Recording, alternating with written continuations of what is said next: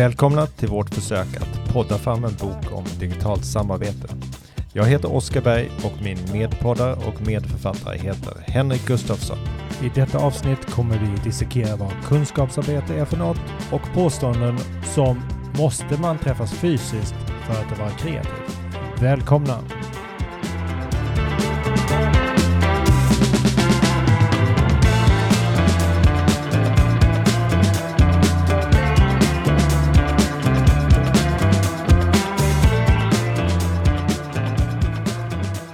Men eh, du Henrik, för att citera en kommentar jag sett på LinkedIn.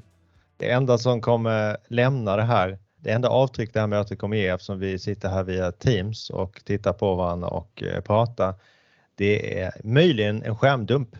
Okej. Hade vi, ja, så är det. Hade vi då träffats fysiskt istället så hade det lämnat ett eko efter sig. Småsnacket före och efter, det informella, dofter och uttryck som aldrig går att fånga på en skärm etc. Målande beskrivet. Nu Eh, låter du nästan raljerande Oskar. Nej, jag citerar. Eh, Okej, det var väl lite raljerande. Jag håller ju inte riktigt med i det här. Jag vet faktiskt inte hur jag ska uttrycka det här att man inte ser att ett digitalt möte är lika verkligt som ett fysiskt, bara det är att det sker i ett annat medium. Och sen kan man ju ta en skärmdump av mötet, men man kan ju ta en bild av ett fysiskt möte. Det, det är bara att man fångar ett ögonblick. Man fångar inte rörelser, uttryck, röst och så vidare. Men det låter ju tragiskt att den här personen står alla digitala möten är så otroligt torftiga och inte ger någonting och inte har någon intressant person eller personer i andra änden och inget, inget att prata Snack, om. snacka om att dissa alla möten man haft under pandemin här och alla människor man mött. Att det har varit helt värdelöst. Jag älskar kontoret och jag längtar dit och äntligen kommer vi få träffas. För när jag träffade er online här nu digitalt, då var det bara fake. Alltså jag gillar ju att träffa människor i verkliga livet också men det har väl hänt att man har känt dofter som man helst varit utan. Om man säger så här, det finns för och nackdelar med alla, båda sätten. Man kan inte vara så kategorisk och säga att det ena är, ger massa grejer. Alla sinnen eh, stimuleras medan i det andra så är det bara en död skärm man tittar på. Mm. Och Det- alla fysiska möten man någonsin varit på har eh, genomförts i total harmoni och eh, med en euforisk känsla efteråt alla tyckte samma sak och lyfte varandra. En eh, tidigare kollega delade ett inlägg, en, en, en skärmdump faktiskt, av, nej. ja, av en eh, jobbannons, en del av en jobbannons, eh, troligen då eh, på LinkedIn. Och något av det man ska klara av eller egenskaper man ska ha är att man ska vara stresstålig, man ska vara bra på att prioritera, att arbeta lösningsorienterat med god konflikthanteringsförmåga. Där, Man lyfter fram stress och konflikt bland de viktigaste delarna apropå- i det här nya jobbet. Vad sugen man Apropå blir. målande beskrivning av min framtida arbetsplats. Här kommer det vara stressigt. Det gäller att prioritera för att hinna med. Jag måste verkligen lösa problem hela tiden, gärna släcka bränder och det kommer vara massor av konflikter på den här arbetsplatsen. Oj vad jag vill dit. Och det är ju antagligen ett kontor då, det här man beskriver. Eller så kan det ju vara så att det här också sker online. Det är ju säkert så, men, men det känns ju lite grann som att det här är på en, på en plats. Då. Min kommentar kring det var att de kanske ska fokusera på att åtgärda problemen i sin arbetsmiljö först. Och tänk om det här hade varit en jobbannons för en byggarbetare. Då hade det troligen fått stå i annonsen att man behöver tåla lite fallolyckor. Man får inte få blåmärken för lätt eller skrika om man bränner sig eller blir utsatt för hälsovådliga ämnen utan det är någonting man måste tåla. Det är någonting som eh, Ryggen en lite- måste klara lite stress av tunga lyft. En lite giftig, farlig miljö. Det är bara någonting du får liksom svälja. Och, eh, Omklädningsrumssnack med mycket konflikt. det här är ju inte så enkelt som att allt är guld och gröna skogar för att vi samlas på samma plats. Lika lite som det är guld och gröna skogar för att man eh, träffas digitalt. Vilken Ja, härlig om det. inledning på, på detta avsnitt. Eh, vad var det vi skulle prata om idag då, Oskar? Ja, den här typen av människor som behöver vara stresståliga, hantera konflikter och sitta i många möten. Och det är ju oftast inte byggarbetare då, utan framförallt tänker man ju på kontorsarbetare. Sen finns ju kunskapsarbete idag i de flesta yrken. Jag såg en eh, siffra fladdra förbi i något flöde att vi har en miljard kunskapsarbetare idag globalt. Men då tänker man ju kontorsarbete, antar jag. Mm. Det är säkert fler annars va?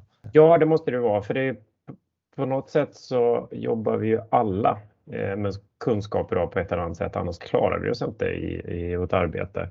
Mm. Det är mer och mer som behöver ta egna beslut och vara mer autonoma eh, när man jobbar oberoende om man är hantverkare eller sjuksköterska eller eh, vad det nu kan vara för något yrke man har. Jag tycker det är intressant att tänka på hur många har, har, har jobbat hemifrån under pandemin. Jag har ingen siffra på hela Sverige men ungefär 60 procent av arbetskraften i Stockholm, eller enligt Stockholms handelskammare, jobbade hemifrån under pandemin. Det är väl också liksom en, en mm. indikation hur stor del av arbetskraften som är eh, ganska renodlade kunskapsarbetare, man ska kalla det så. Hälften av eh, svenska arbetskraften har säkert jobbat på distans under pandemin mer eller mindre. Men jag tänkte också det här med, med kunskapsarbete och kunskapsarbetare. Är det någon som använder det begreppet idag? Alltså det, man stöter inte på det så ofta trots att vi snart alla i, i någon mån då är eh, kunskapsarbetare. Så på något sätt, är, det, är det relevant att prata om det eller inte? Det tycker väl både du och jag. Ska man prata om det när vi ändå är alla är kunskapsarbetare? Behövs det då? Ja, det, vi behöver naturligtvis reflektera över vilken typ av jobb vi gör och vad det kräver av oss och av vår omgivning, våra anställningsvillkor, eh, arbetsmiljö och så vidare. Det finns ju många brister på det, på det här med stresstålighet och hantera konflikter och sitta i möten hela dagarna och det är ju antagligen symptom på en miljö som inte är utformad för den typ av arbete som eh, vi behöver utföra det som fisken i vattnet, liksom. fisken förstår nästan inte att den är i vatten för att det är överallt och så är det lite med, mm. med kunskap och, och, information. Men jag upplever det som någonting som är ganska osystematiserat och osynligt, precis som du är inne på Oskar. Eh, vi lär oss inte de här arbetssätten i skolan utan det är någonting som kommer till oss och som får vi, vi får hitta på lite, lite på egen hand på arbetsplatserna. Men men det finns ingen systematik. Man värdesätter inte att vara effektiv eller hållbar genom det här. Vi jobbar inte med förbättringar på ett strukturerat sätt. Ändå, trots att så många håller på med kunskapsarbete. Man, man kan jämföra det med produktion där det finns ett helt annat fokus på effektivitet, produktivitet och där man har jobbat med lean till exempel, olika principer och filosofier för att förbättra då arbetsprocesserna eh, och arbetssätten. Och det har inte skett alls på samma sätt i, när det gäller traditionellt kontorsarbete som är det som vi ser som synonymt med kunskapsarbete mer eller mindre idag. Att man inte har arbetat strukturerat med att förbättra effektivitet och förbättra arbetssätten. Det, det, har byggt upp en skuld kan man säga både i vår arbetsmiljö och kring hur vi arbetar som har gjort att vi kommer till en gräns där vi har den här med situationen med enormt hög stress och press från olika håll. Jag vill komma tillbaka till det här med guldfiskskålen. Man får ju ofta höra, jag har inte tid, jag har så mycket mejl, jag har så mycket möten och så vidare. Och det säger man om och om och om igen. Och det är lite grann som eh, den här guldfisken som kommer till kanten av skålen och säger aj, där är glas eller där är något hinder. Och sen simmar den runt lite, aj, där är glas ett hinder. Och sen ser man runt det, aj, där är glas, där är ett hinder. Den, den reflekterar inte över vad kan jag göra åt det heller? Vad, vad, vad är det för miljö jag befinner mig i? Vi simmar runt i de här skålarna och slår huvudet i väggen hela tiden. Men vi reflekterar inte över varför vi gör det och vad vi kan göra åt det. Det var ju Peter Drucker som lyfte fram det här med kunskapsarbetare på 50-talet redan. Där han såg att det fanns väldigt många yrkesgrupper som inte tog material och utformade det till, till någonting annat utan hade mer tänka som, som sin huvudsakliga arbetsuppgift. Och det var han som började lite lyfta fram det här som en väldigt viktig kategori av arbetare. Apropå det här med att jobba automatiserat med detta. Han, han sa ju också att en av de stora utmaningarna som organisationen har under inledningen av 2000-talet är just hur vi kan öka produktiviteten hos de här kunskapsarbetarna. Ja, han såg ju det som den stora eh, drivkraften i ekonomin, att kunskapsarbetaren skulle vara det och bli det som driver värdeskapandet under 2000-talet. Och det har ni ju helt rätt i. Idag pratar vi om eh, the creative economy och talangerna som sitter och designar eh, produkter och tjänster i Kalifornien. Och så produceras det här i Kina. Apple och liknande företag tjänar väldigt mycket pengar på att det är de som designar, löser problem och så vidare medan de som producerar får väldigt lite av den här kakan sett till, till vinst, sett till insats. Då. Så man kan ju definitivt säga att kunskapsarbetet är det som driver ekonomin idag. Du gjorde en modell för ett, flera år sedan nu där du synliggjorde det här att det går mycket från det rutinbaserade fysiska arbetet till det kreativa kunskapsarbetet och att eh, det som kan automatiseras har vi hållit på att automatiseras under väldigt många år men så det är något annat som blir kvar, något annat som blir viktigt, något annat som är väldigt mänskligt. Vi ser ju att det, det sker ett, en förskjutning av vilken typ av arbete vi, vi gör som människor. Det har pågått under lång, lång tid. Alltså vi pratar inte årtionden utan århundraden. Och det här tar ofta ett större skutt under kriser. Att då automatiserar man mer så att då försvinner rutinbaserat arbete, både manuellt och kunskapsarbete. Men å andra sidan rör vi oss mot en mer och mer komplex och krävande omvärld med mer, där vi kräver mer och bättre upplevelser och så vidare. Vilket innebär att det behövs ännu mer folk som jobbar med kreativt kunskapsarbete och samarbetar med varandra och löser problem. Vi har jättestora utmaningar framför oss. Så det är inte så att det inte finns arbete för oss. Det är bara det att det kommer ha ett annat innehåll. Det kommer ha en annan natur.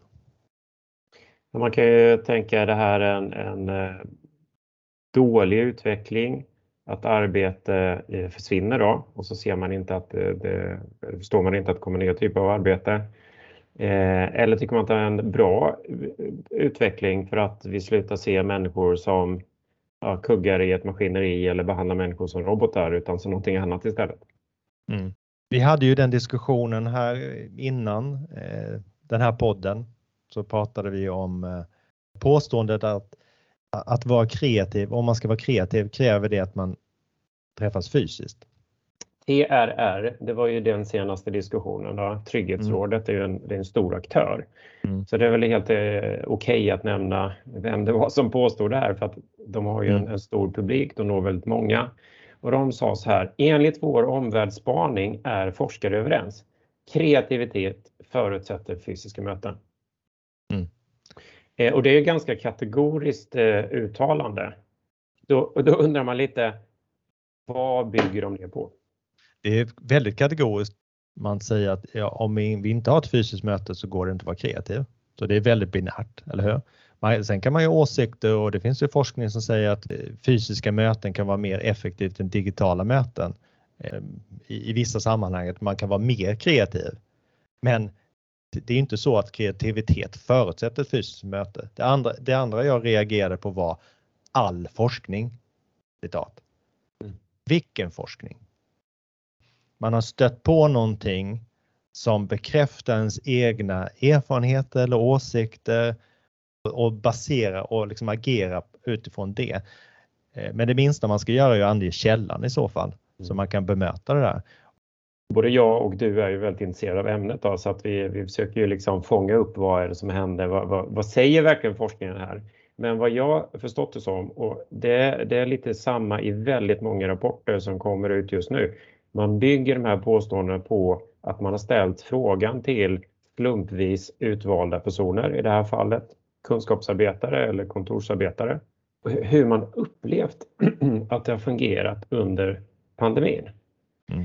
Eh, och då svarar de, de flesta något i stilen att ja, man tycker det har varit mer utmanande eller tyckte det var svårt att vara kreativ på distans. Mm. Men det behöver inte betyda att det inte går att det inte finns personer som är otroligt kreativa på distans och har jobbat kreativt på distans i decennier. Eh, jag håller med dig. Om vi nu tänker på den typiska kontorsarbetaren, tjänsteman som arbetar på kontor och de utgår från sin egen erfarenhet och tänker när de är kreativa så är det nog oftast när de träffas i ett fysiskt mötesrum och sätter post-it-lappar eller ritar på en whiteboard. Men det här är ju en av många arenor för kreativt sammanskapande. Jag säger ju inte att den här inte är en bra och viktig arena. Men de här personerna känner antagligen bara till den och då, då ser man att ja, nu har vi inte tillgång till den arenan och då är det ju svårt att vara kreativ. Och det är där du och jag reagerar.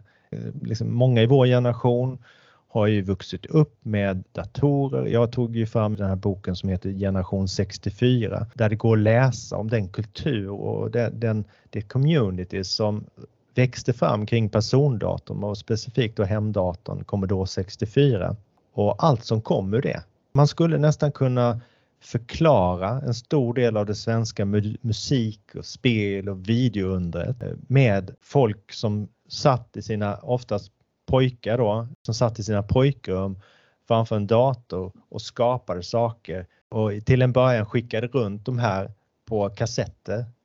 Eh, via brev och så småningom via BBS eller delar det här digitalt långt innan internet fanns i någon egentlig mening eller innan World Wide Web.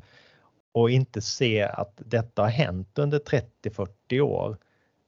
Det, det är ju som att de lever i en parallell verklighet och har levt en parallell verklighet Ja, men det, är, det är superintressant. Jag tror det var i samma bok som jag tror Henrik Schyffert och, och pratade om att han och Johan Rheborg skickade manus till varandra via modem på 90-talet. Alltså, mm. ja, och jag hörde en presentation eh, från eh, Arash som var Aviciis eh, eh manager. Han pratade om den otroliga community som fanns Eh, på 90-talet som han blev en del av och så mycket han lärde sig i det och där man delade musik med varandra, lyfte varandra, stöttade varandra och utmanade varandras kreativitet på eh, ett jättestort sätt. Och han har ju varit ute och pratat mycket om det här och känner liksom att det är den stora potentialen med, med internet som han sa då. Det är spännande att vi inte kan vara kreativa digitalt då när vi har liksom decennier av erfarenhet där vi faktiskt har varit det. Och, och hennes egen upplevelse är att, vi är att jag är kreativ med andra varje dag. Jag sitter med dig här nu och, och i den här podden och åtminstone försöker vara kreativ för att vi utbyter idéer och försöker komma fram eh, med någonting nytt. Så det tar emot att höra sådana här påståenden från den här, den här typen av stora aktörer. På något sätt trodde man ju att det här var över. Jag trodde i alla fall att det här var över. Om man läser förordet till generation 64 så kan man läsa om hur det var 1982. Eller 1983 tror jag, men refererar till TCO-kongressen 1982 där man hade beslutat att citat uppdra åt TCO att med kraft motverka hemarbete med datorer. För många trodde ju då att en dator skulle stjäla jobben från folk, men skapade inga jobb. Apropå det här förflyttningen från rutinbaserat till icke rutinbaserat och det där, som vi ser, det är ju inte så att jobben kommer försvinna, de kommer förändras. Och de refererar även till en riksdagsmotion från 1983 där man ville på grund av detta då citat beskatta eller avgiftsbelägga användningen av datorer. Man menade även att datorer framförallt skulle stjäla så kallade citat kvinnoyrken. Eh, jag vet inte vad man grundade det här på, utan det här var ju åsikter, rädsla, rädslan för det nya okända och om vi hade lyssnat på de här rösterna, var hade vi varit idag? Vi hade inte haft några verktyg, ingen eld, ingenting. Det här är ju sätter lite perspektiv på det att 40 år senare har vi samma uttryck för samma saker som vi såg i början av 80-talet. Och då undrar man ju, vad har de här människorna levt under de här åren? Har de barn så borde de kunna reflektera över vad de gör på onlineplattformar som Minecraft, Roblox, Sims, TikTok och så vidare. Är de kreativa? Eller förutsätter det att de träffas fysiskt för att de ska skapa något och vara kreativa? Jag såg en superintressant rapport från något som heter Brain Trust, eh, USA-baserat bolag som har tittat på arbetsmarknaden där just nu. Eh, och det är en jättestor brist på kunskapsarbetare. Men det de har studerat bland annat då, eller lyft fram det att bara 6% av de annonser som ligger ute säger att man kan jobba på distans eller jobba digitalt. Man är i ett läge där man behöver väldigt mycket folk, men man utgår fortfarande från att det är kontoret först som gäller. Men det som har hänt under pandemin, det är att väldigt många av de här kunskapsarbetarna har anpassat sig till distansarbete, har lärt sig eh, väldigt mycket kring hur mm. man kommunicerar och samarbetar på distans och har också upplevt en helt annan frihet i hur de arbetar och hur de lägger upp sitt arbete jämfört med när de var tvungna att ta sig till kontoret. Mm. Och det är lite spännande då när vi också ser statistik på att 40% funderar på att byta jobb just nu. Det är det som kallas för Great Resignation. Och de här Brain Trust säger också att 85% av de som varit med i deras undersökning säger att de kan tänka sig att jobba som egna. Mm. Så att här har vi ju, någonting har hänt och frågan är då, har arbetsgivarna hängt med? Du sa ju här innan att arbetsgivarna har inte fattat någonting. Men eh, ibland kan det ju kännas så och vissa har väl inte förstått det här. Eh, det finns ett citat av John Kotter, eh, för detta professor i ledarskap på Harvard Business School. På ett sätt är den fulländade prestationen för hierarkin och dess ledningsprocesser en verksamhet på autopilot med alla placerade som kuggar som snurrar runt en stadig, icke-tänkande och förutsägbar maskin. Mm. Och den skulle kunna fungera om omvärlden var förutsägbar, oföränderlig, icke-komplex, tydlig. Mm. Eller hur? Men det är den inte och den kommer vara ännu mer oförutsägbar, snabbföränderlig, komplex, otydlig framöver. Mm. Och då måste vi ändra på hur organisationen fungerar. Då behöver vi de här kunskapsarbetarna, de kreativa människorna som samarbetar med varandra och, och löser problem och kommer på nya eh, innovationer som, som tillgodoser behov bättre än vad de gjorde tidigare. De behövs ju mer och mer. De skapar mer värde än den effektiva produktionsapparaten. På tal om forskning, då, det finns en hel del forskning kring kunskapsarbete och vad som driver en kunskapsarbetare. Vänta lite, nu börjar någon dammsuga här. Vi pausar en sekund. Hemarbete. Och jag längtar efter kontoret.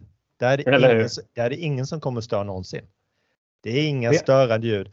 Jag har aldrig varit med om, jag har aldrig varit med om att någon borrat i väggarna på kontoret på arbetstid. Nej, precis. Nej, men, för det är intressant det du säger, för det finns mycket studier om vad som driver en kunskapsarbetare. Och det är det här med autonomi, att kunna mm. göra egna val, den här frihetskänslan att, att kunna ta beslut, beslut som baseras på min eh, kunskap. Att jag, jag känner att jag är kompetent och jag vill eh, bemästra någonting. Mm. Det är väldigt motiverande och viktigt. Att jag är en del i ett sammanhang, en grupp där vi försöker göra någonting tillsammans. Vi kanske jobbar efter ett gemensamt syfte som känns eh, meningsfullt. Och det är egentligen precis det vi behöver för att mm. kunna svara mot den miljö som du beskriver. Det är ju de här egenskaperna som behövs för att kunna klara den komplexitet i de utmaningarna vi har framför oss. Och egentligen räcker det med att eh, titta på det här TED-taket av Dan Pink. Eh, The surprising science of motivation. Jag tror mm. det har tiotal år eh, på nacken nu då. Och där han pratar om den obalans som finns mellan vad vetenskapen vet och vad företagen gör när det då gäller hur organisationer försöker motivera sina anställda att prestera bättre. Då. Mm. Summan av kardemumman är att befintliga prestandamodeller i de flesta organisationer bygger på yttre motivatorer, morötter och piskor, för det funkade i den här världen. Man kunde sätta upp två stycken produktionslinjer eller två team mot varandra och så kunde de konkurrera och de som var bäst och var snabbast, de fick en bonus i kunskapsarbete så måste man samarbeta med varandra istället för konkurrera. Det här är ett stort gap mellan hur man designat organisationer och hur man, vad man skapar för incitament. När man istället skulle behöva aktivera de inre motivatorerna och sånt som du nämnde, till exempel känslan av att man behärskar någonting, blir duktig på någonting, att man tillhör en gemenskap och, och, och att man arbetar för ett högre syfte. Inte för den här bonusen som då förhoppningsvis kommer i slutet av månaden. Jag har ju tagit upp den här jämförelsen med att uppfostra barn. Om man vill få barnen att gå ut med soporna, då är det ju ingen hållbar lösning att betala de 5 kronor för varenda påse de går ut med.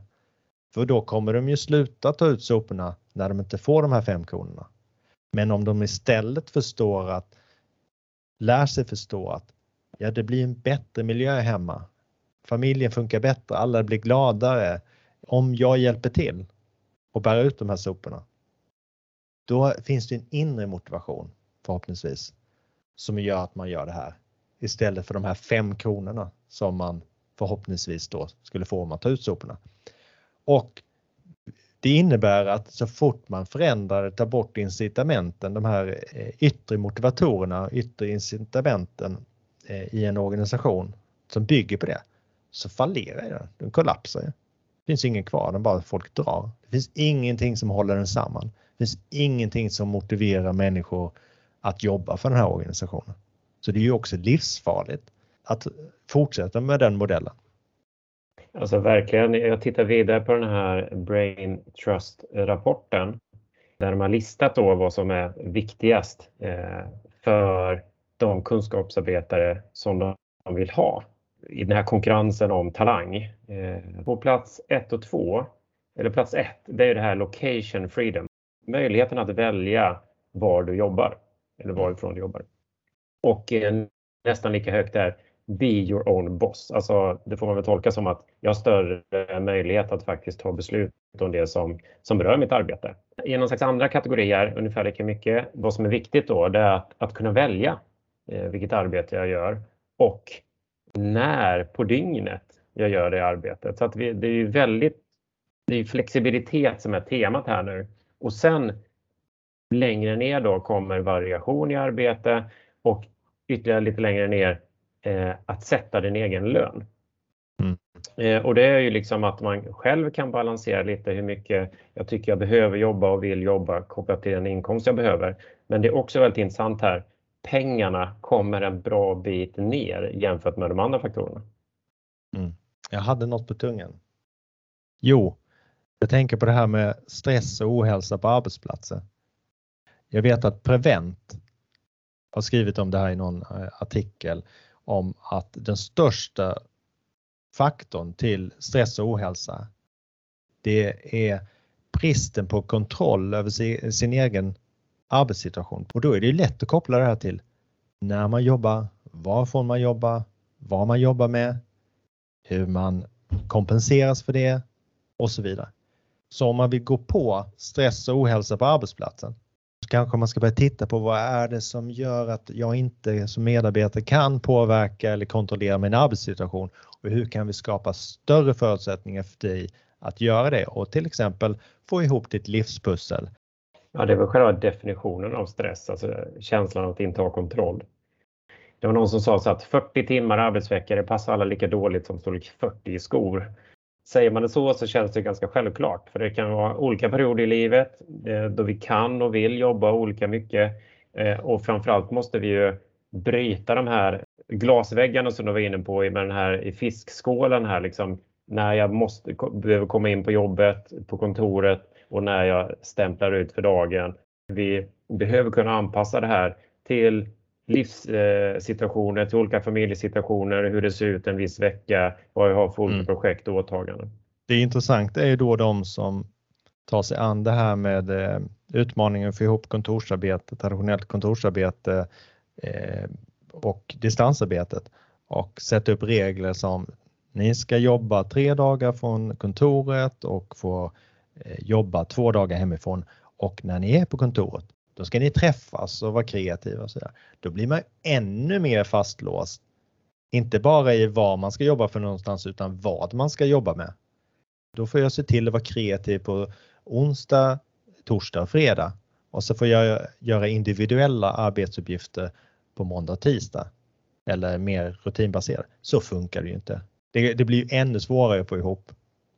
Om det är en brist på, eller det är svårt för olika verksamheter att, att faktiskt kunna få de talanger man behöver så måste man ju tänka på ett annat sätt. Man måste ju eh, se eh, distribuerade team mm. som en nyckel framöver där, man, där personer från olika platser kan hitta varandra och samarbeta effektivt och vara nyskapande och kreativa tillsammans så man kan hantera förändring och, och, och utmaningar. Och man måste ju också öppna upp för ett annat sätt att ha medarbetare i olika anställningsformer och kanske också en mycket större del egenanställda personer mm. som jobbar eh, på kontrakt efter de utmaningar eller projekt som pågår i den stora verksamheten. Gör man det här på rätt sätt då kommer egentligen inte de enskilda medarbetarna att märka någon skillnad utan det kommer att eh, kännas väldigt dynamiskt och flödande. Det här påståendet att framgångsrika team kan bara byggas på face to face, att vi är på samma plats. Om man tänker på vad ett framgångsrikt team är så är det inte bara att man jobbar effektivt tillsammans utan det är också att man har, och kanske framför allt att man har rätt person i det här teamet.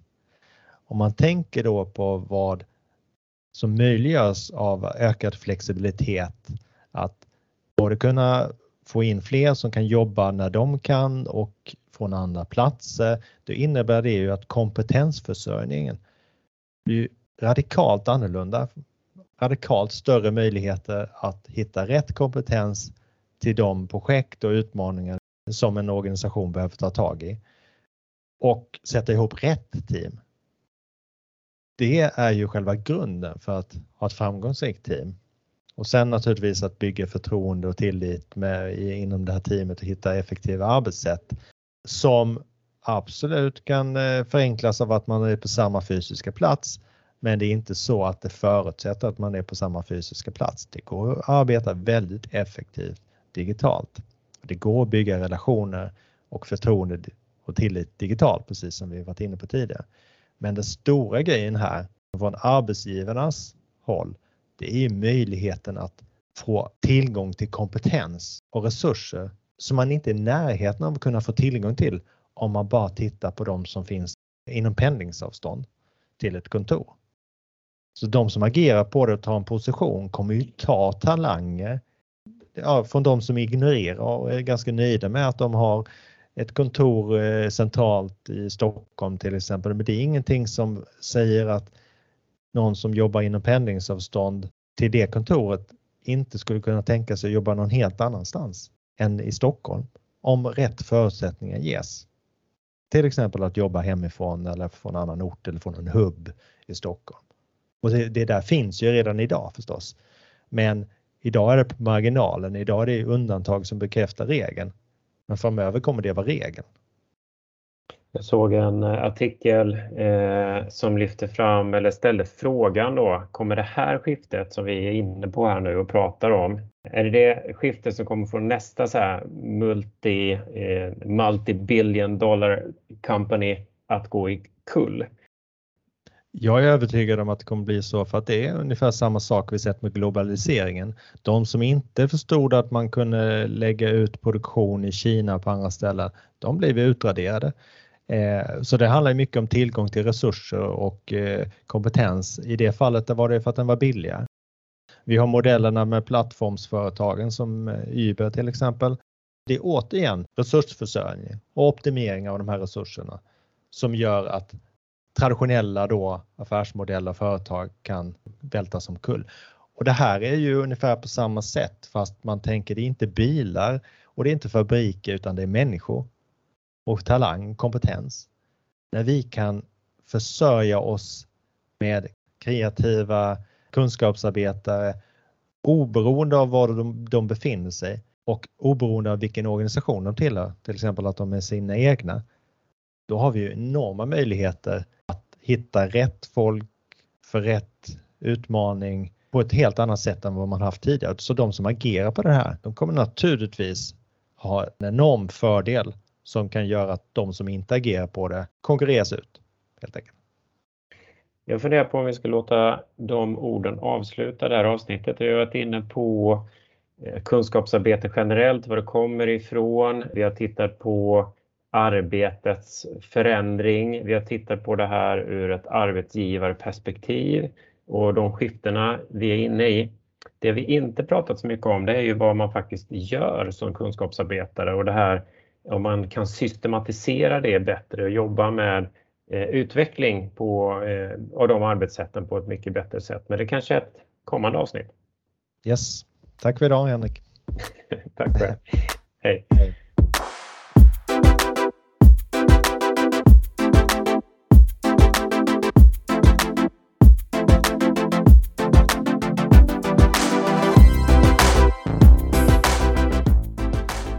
Du har precis hört mig, Oskar Berg och Henrik Gustafsson diskutera olika aspekter av kunskapsarbete såsom kreativitet, arbetsmiljö, attityder och beteenden, you name it. Mer på detta tema följer i kommande avsnitt av podden Digitalt samarbete. Tack för att du lyssnade. Vi hörs!